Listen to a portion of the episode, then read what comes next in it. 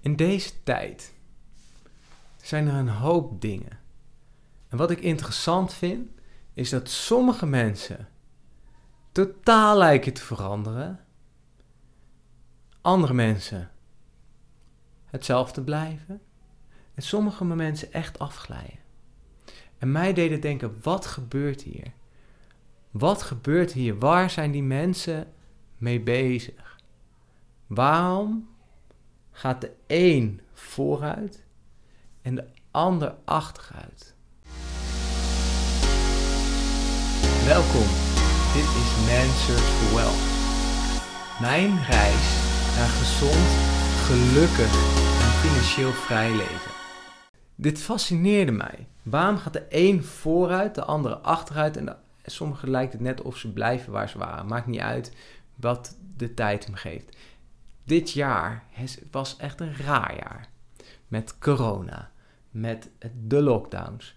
Wie had ooit gedacht dat het land op slot ging? Dan had het, als je dat twee jaar had geroepen, dan had je waarschijnlijk uh, neergezet worden als de doemdenker die met zijn bordje rondloopt. The world's gonna end, the world's gonna end. Iedereen had je voor gek verklaard.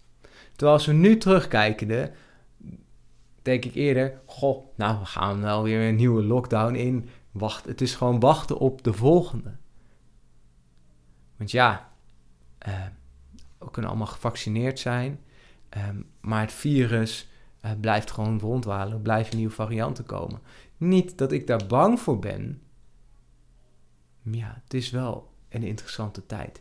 En dan kwam ik tot een realisatie. Ik had laatst voor het eerst in lange tijd een moment dat ik mijn collega's zag, fysiek zag. En wat mij opviel was, je kon eigenlijk iedereen grof in drie categorieën indelen. Mensen die er goed uitzagen, waar je zag, hé, hey, die zit gewoon lekker in hun vel, een stukje gegroeid waren.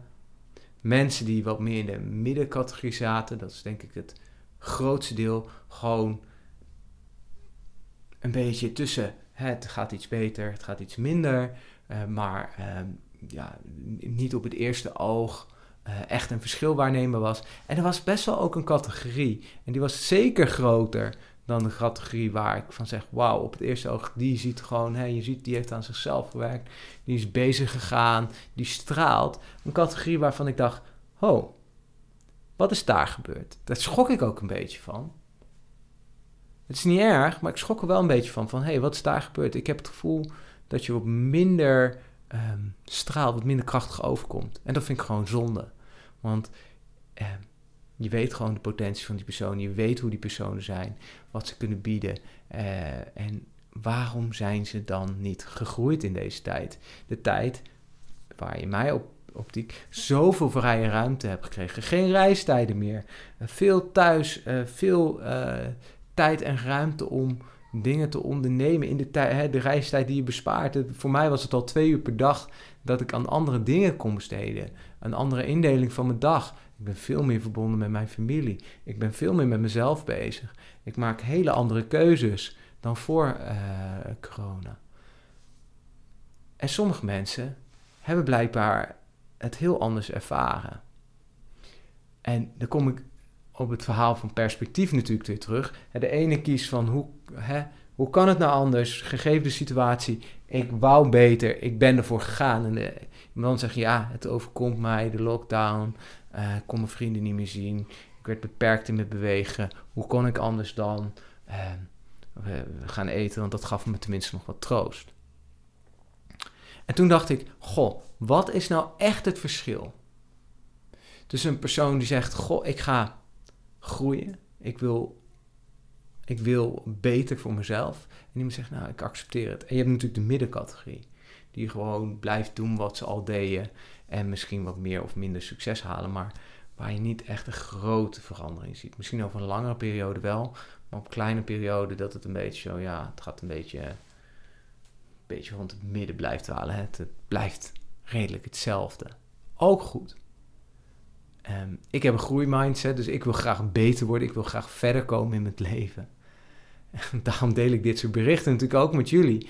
En um, toen zat ik, ik zat er echt over na te denken. Wat maakt nou het verschil?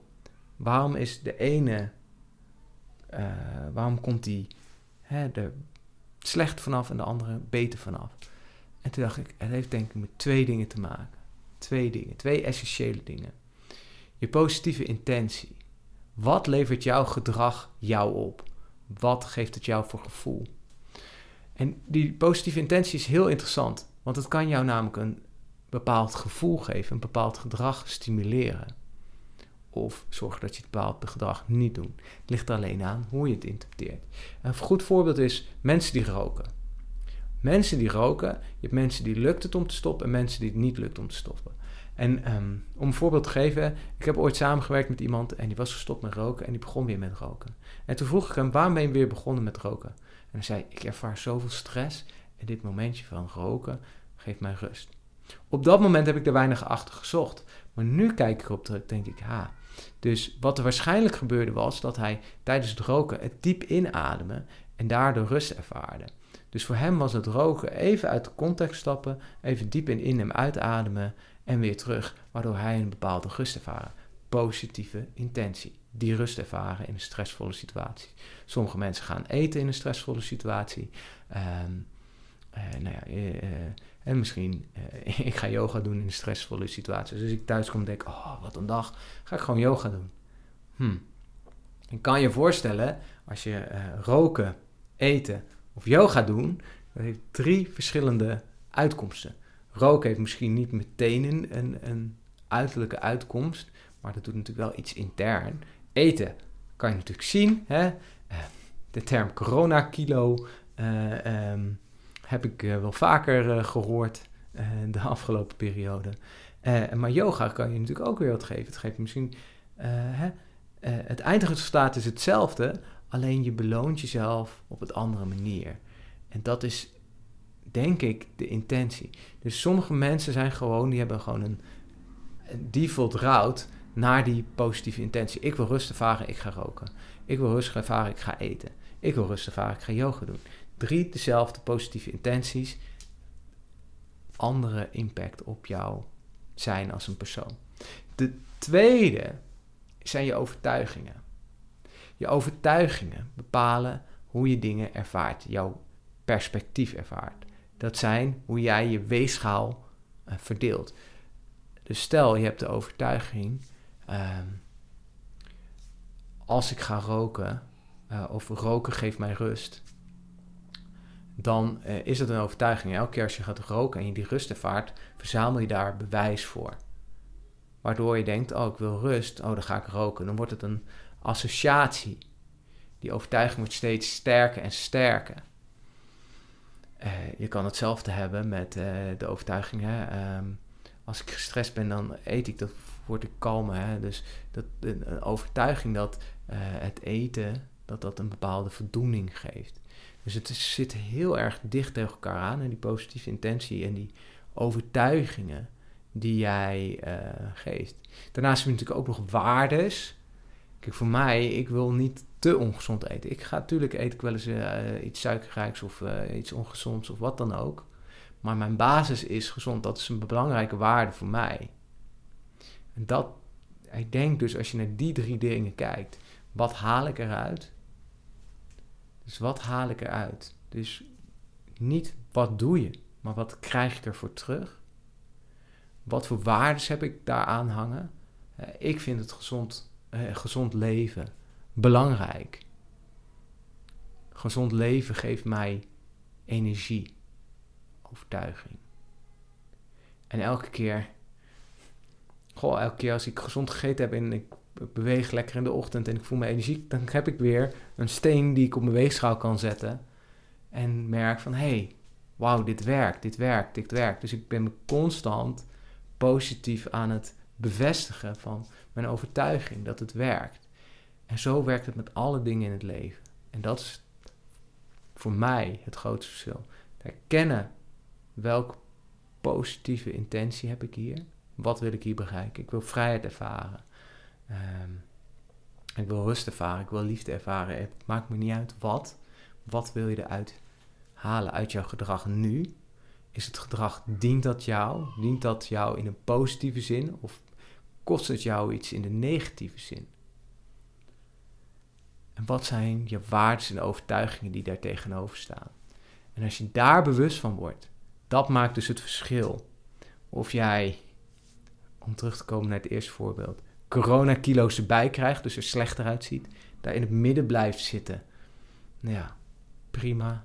Uh, of dat je gaat groeien. En wat ik zo jammer vind, is dat mijn gevoel is dat die groep die echt aan het groeien is, elke keer bewust daarmee bezig is, kleiner is dan welke van de andere twee groepen dan ook. De meeste blijven in het midden, want daar is het veilig. Dat is onze mooie comfortzone. En is zonde als je eerst die pijn moet ervaren voordat je gaat veranderen.